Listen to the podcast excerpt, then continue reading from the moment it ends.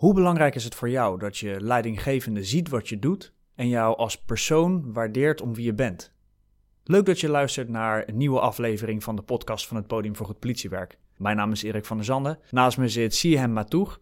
En vandaag gaan we het hebben over erkenning en waardering.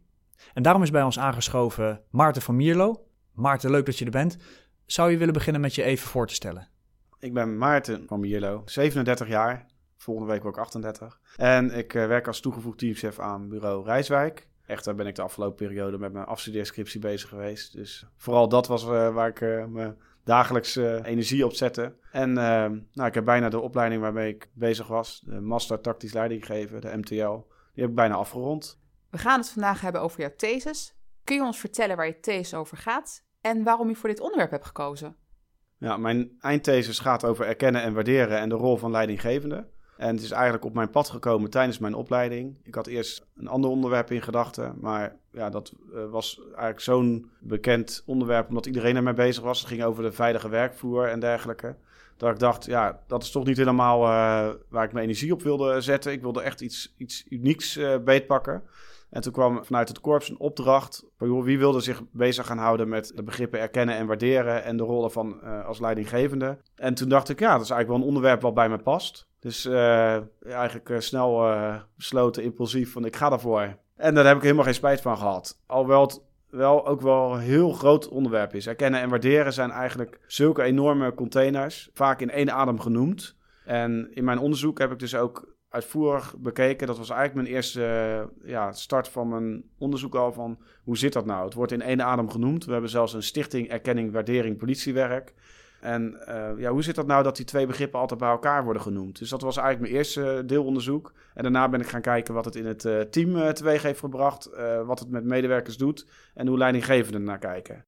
Hey, je geeft aan dat het gaat over twee grote containerbegrippen. Maar waar begin je dan?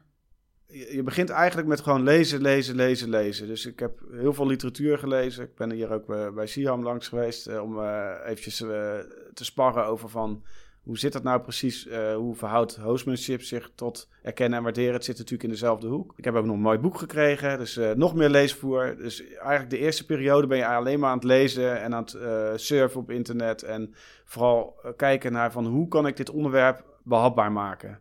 En uiteindelijk heb ik dus een manier gevonden hoe dat, hoe dat kon omdat ik merkte, dus wat ik net al zei, hè, er zijn twee verschillende begrippen. En ik heb dus eigenlijk aan allebei de begrippen heb ik, literatuur weten te vinden die elkaar niet overlapten.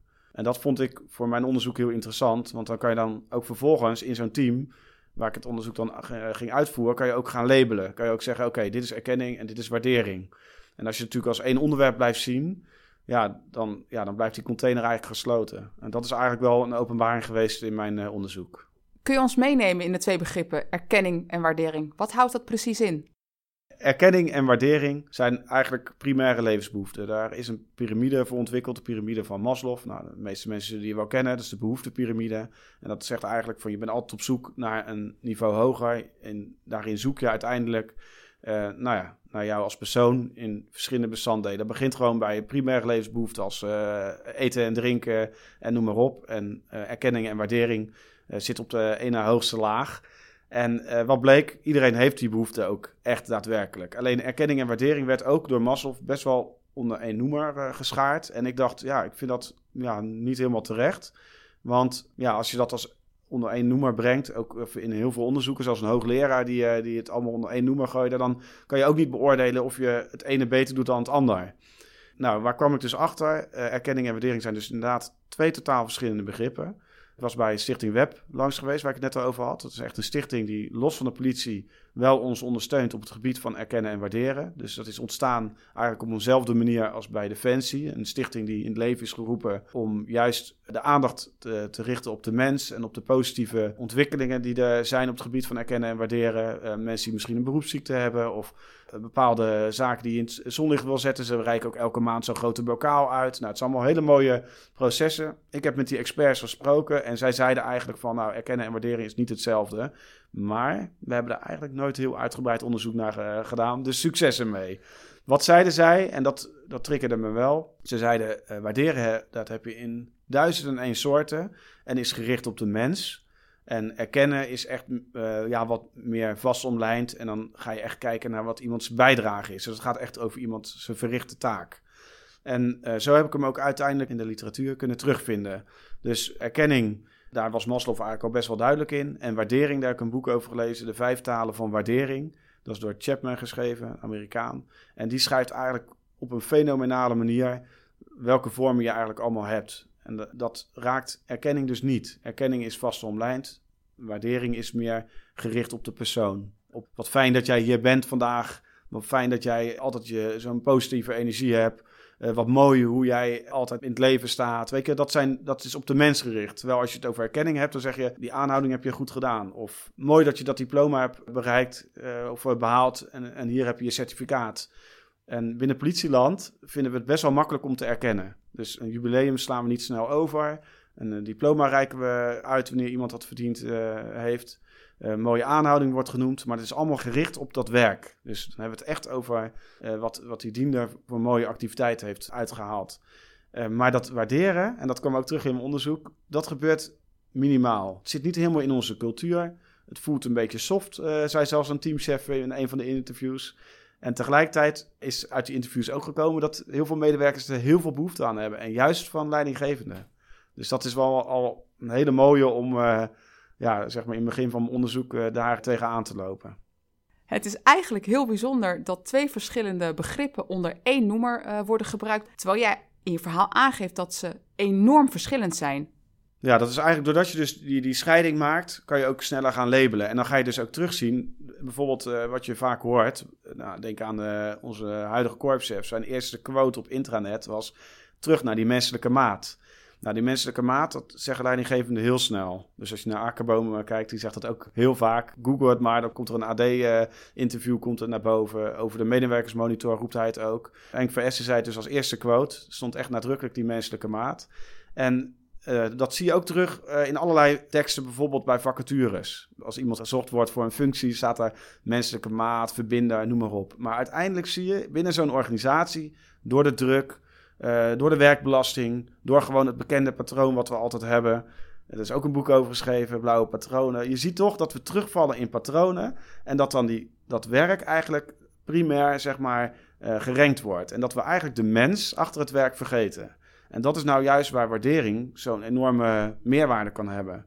En doordat je die twee dus scheidt, kan je ook echt uh, persoonlijk met mensen in, interactie raken. En je zal zien dat dat uh, hele moeilijke discussies bijvoorbeeld kan helpen. Want we zijn best wel, hè, als politie ook, we moeten op straat moeten we snel kunnen acteren. Als we een situatie zien, zitten we snel in ons oordeel. Dat is ook wel iets wat een soort tweede natuur is van ons. Maar tegelijkertijd heeft het ook wel een nadeel. Want we zijn ook wel eens intern dat we wel eens een visie hebben of dat we het ergens niet mee eens zijn. En juist door de goede vraag te stellen, dus dat is ook iets, een manier om ja, in plaats van dat oordeel gelijk eruit te knallen, kan je ook eens een keer zeggen van joh, uh, wel mooi hoe je het doet. Ik ben het wel niet met je eens, maar ik heb er wel nog een vraag over. En dan krijg je dus dat je de, ja, een bepaalde manier met elkaar in gesprek raakt, waardoor je dus als mensen dichter bij elkaar komt. En dat is uiteindelijk voor het werk ook gunstig. En nu zie je dat heel vaak primair dat werk aan bod komt en dat de mens dan vergeten wordt. Dus eigenlijk uh, zit het met de erkenning goed binnen onze organisatie, maar waarderen doen we eigenlijk niet. Nee, we, doen het wel, uh, maar nog niet optimaal. Wat er bijvoorbeeld ook een uitkomst is, is dat we op het gebied van waarderen heel veel doen naar studenten en jonge collega's. Dat kwam toevallig ook uit de interviews. En dan zie je dus dat het principe van een student of jonge collega waarderen, dat, dat vinden we logisch, want we snappen nog van hé, hey, die jonge diender die heeft dat nog een beetje nodig. Een beetje zelfvertrouwen.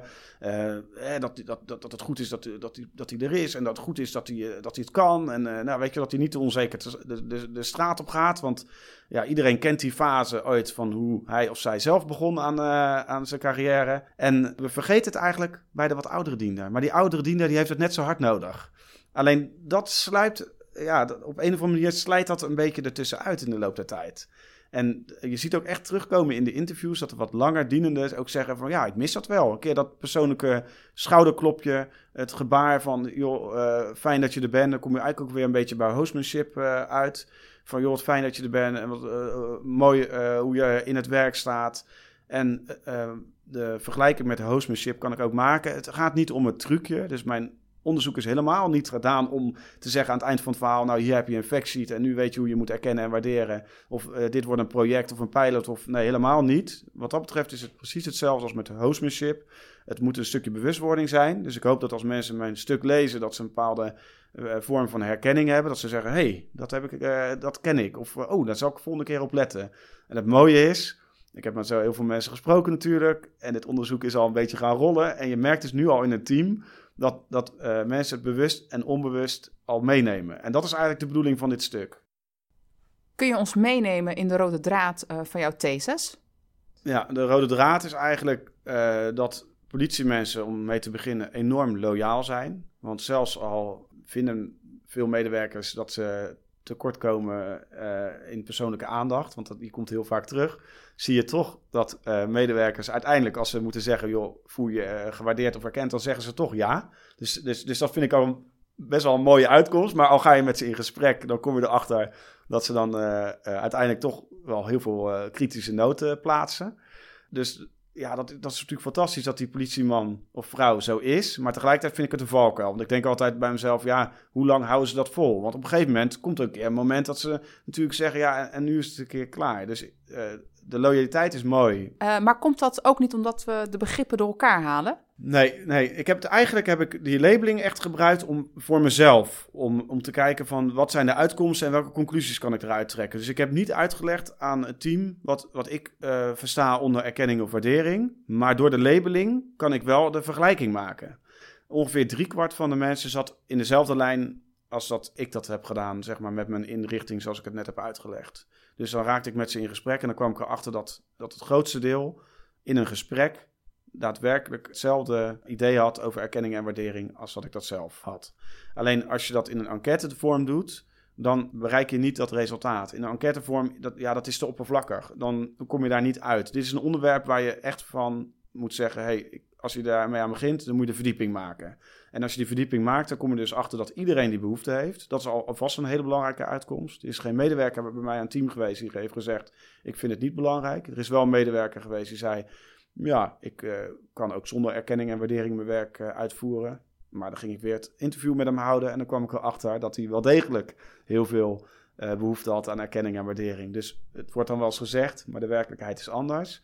Um, wat ook een hele belangrijke uitkomst is, is dat mensen in ieder geval iets willen horen van hun werkzaamheden. En dan kom ik weer terug op die eerdere loyaliteit. Dieners willen liever horen dat ze hun werk bijvoorbeeld niet helemaal goed hebben gedaan. Maar dat vinden ze dan nog beter dan niks horen. Dus dat kwam toevallig ook uit, uh, uh, uit meerdere interviews, echt het merendeel. Zonder dat ik daar echt bewust naar gevraagd had.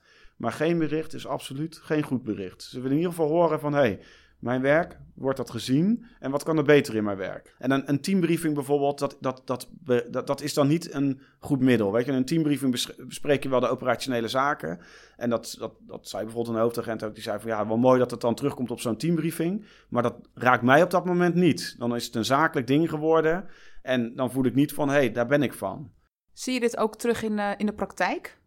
Nou, nog een belangrijke uitkomst is dat ik uh, vier observaties heb gedaan aan een team. En tijdens die vier observaties, op verschillende uh, overlegvormmomenten zeg maar, in het team, heb ik één vorm van waardering waargenomen.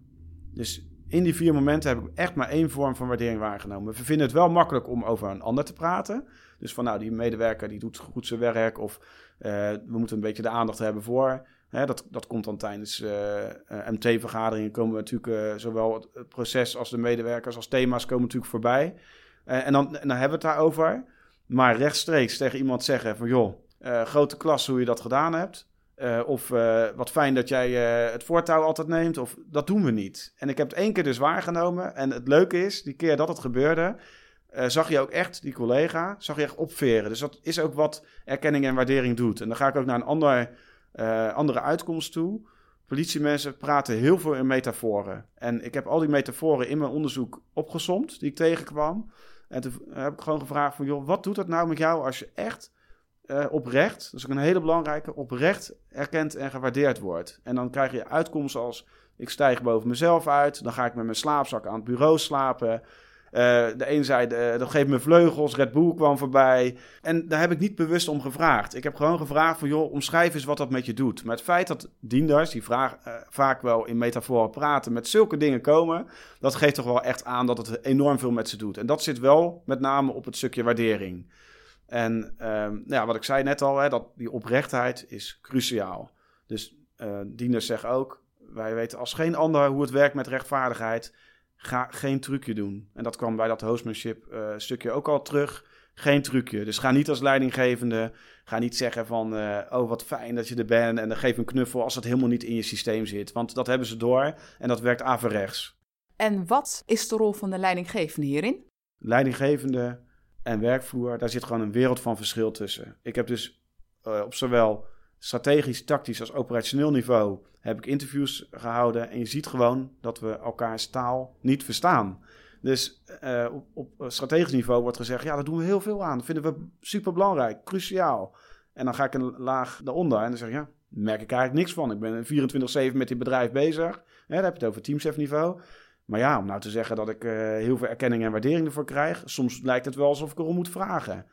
Ga ik weer een laag lager, kom ik bij de, de werkvloer uit. En wat zeggen de medewerkers op de werkvloer? Ja, ik mis wel die persoonlijke touch van de teamchef. Even dat gesprekje na die mooie aanhouding. Of even horen uh, hoe het met me gaat na mijn ziekteperiode. Of, hè, dat zijn allemaal voorbeelden die voorbij komen. Dus je ziet ook, daarin gebeurt heel veel, maar we begrijpen elkaar niet. Ze zouden eigenlijk nog meer focus kunnen leggen op het waarderen in plaats van alleen op het erkennen. De, de erkenning, erkenning is inderdaad wat vast online is informeel en formeel. Dat, dat, dat, uh, uh, informeel dat heeft te maken met bijvoorbeeld dat iemand heel goed is in verkeerszaken of zo. Weet je, dan weet iedereen, oh, voor verkeer moet je bij hem zijn. Dat is een informele vorm van erkenning en is gericht op het werk. Dat doen we goed. Dat weten we allemaal in het team. Formele erkenning, nou, daar zijn we fantastisch in. Ik bedoel, iedereen weet welke functie die heeft, welke rang, welke diploma's. En, uh, dus, dus dat is allemaal vast omlijnd. En dan heb je nog een laatste vorm van erkenning, dat is buitengewone erkenning. En daarbij moet je denken bijvoorbeeld aan uh, iemand die bijvoorbeeld PTSS heeft gehad en dan bijvoorbeeld met terugwerkende kracht daarvoor erkend wordt. Of iemand die bij het LVP zeg maar buiten zijn functies geplaatst, maar alsnog naar aanleiding van een hoog beroep die buitengewone erkenning alsnog krijgt. Dat is allemaal erkenning. Dat hebben we allemaal redelijk goed uh, georganiseerd. En daar zou de meeste inderdaad niet over horen. En als je gaat kijken naar waardering, dan heb ik die vijf talen van waardering teruggebracht in drie talen. En dat heeft te maken met uh, hulp geven aan mensen zonder dat ze erom vragen. Dus dan kan je je bijvoorbeeld voorstellen dat je als teamchef zegt... nou, ik ga eens een keer op die noodhulp mee... om te laten zien dat ik dat werk belangrijk vind... en dat ik ook graag hem wil helpen. Dat gaat om een gebaar. Nou, dat heb ik even samengevoegd. Dat kan een cadeautje zijn, dat kan een schouderklopje zijn. Die komt trouwens ook heel veel terug, schouderklopje. Uh, een beetje lastig in tijden van corona, maar uh, het is wel uh, wat mensen nadrukkelijk noemen. Dus eventjes een, een, een, simpel gebaar kan dan van heel veel grote waarde zijn. Of een cadeautje. Dus dat zijn eigenlijk drie vormen van een gebaar. Dat cadeautje dat, dat kan ook heel klein zijn. Dat, dat hoeft eigenlijk niks voor te stellen. Als het maar wel passend is bij de persoon aan wie je het geeft. Dus dan moet je wel weer met precisie doen. En de laatste vorm van uh, waardering is tijd maken. Dat je gewoon zegt als teamchef: hey, ik heb uh, nu een uh, middag vrij. En ik ga eens een keer drie collega's gewoon onge, onge vraagt, zeg maar, of, of, of spontaan, hè, hoe, hoe je het wil noemen, of uh, ik, ik, loop even bij ze langs, of weet je, dat je gewoon even tijd voor ze maakt. Dat mensen dat voelen, dat je spontaan, maar oprecht tijd voor iemand maakt en de moeite neemt om je te verdiepen in de persoon, ja, dat, dat is uh, een vorm van waardering die, die heel erg gewenst is. En waarvan heel veel mensen zeggen, hé, hey, dat persoonlijke stukje, dat, dat ontbreekt er wel eens aan. En niet dat die dingen niet gebeuren, hè, maar te weinig voor het gevoel. En dat is ook logisch, want een teamchef is gewoon verschrikkelijk druk. Ik kan erover meepraten. Ik weet wat een teamchef allemaal uh, moet doen. Ik zie het ook aan uh, de teamchef waar ik aan gekoppeld ben. ik denk, ja, weet je, dat, dat gaat altijd maar door. Er is geen moment eigenlijk dat ze even het werk los kan laten. En tegelijkertijd denk ik wel, als laatste uitkomst dan om te delen, die rol van die teamchef is cruciaal bij erkennen en waarderen. En ik heb wel ontdekt dat als je daarin investeert, dat dat zich terugverdient. Uh, je hebt gesproken met een leidinggevende bij Egon. Wat waren je bevindingen? Wat daar een leuke uitkomst van was, is dat in het bedrijfsleven eigenlijk uh, dezelfde principes uh, gelden als binnen de overheid. Er wordt heel vaak gedacht, oh wat een wereld van verschil. Uh, maar juist die overeenkomst is zo bijzonder. Een bedrijf als Egon, die is in de twaalf jaar dat hij in die functie zat, zo enorm veranderd. Hij zei voorheen moesten we zoveel mogelijk experts, technocratische, wiskundige, uh, diagrammakende mensen binnenhalen. Want we moesten de grootste orders binnenbrengen. En dat moest allemaal eh, technisch en wiskundig kloppen.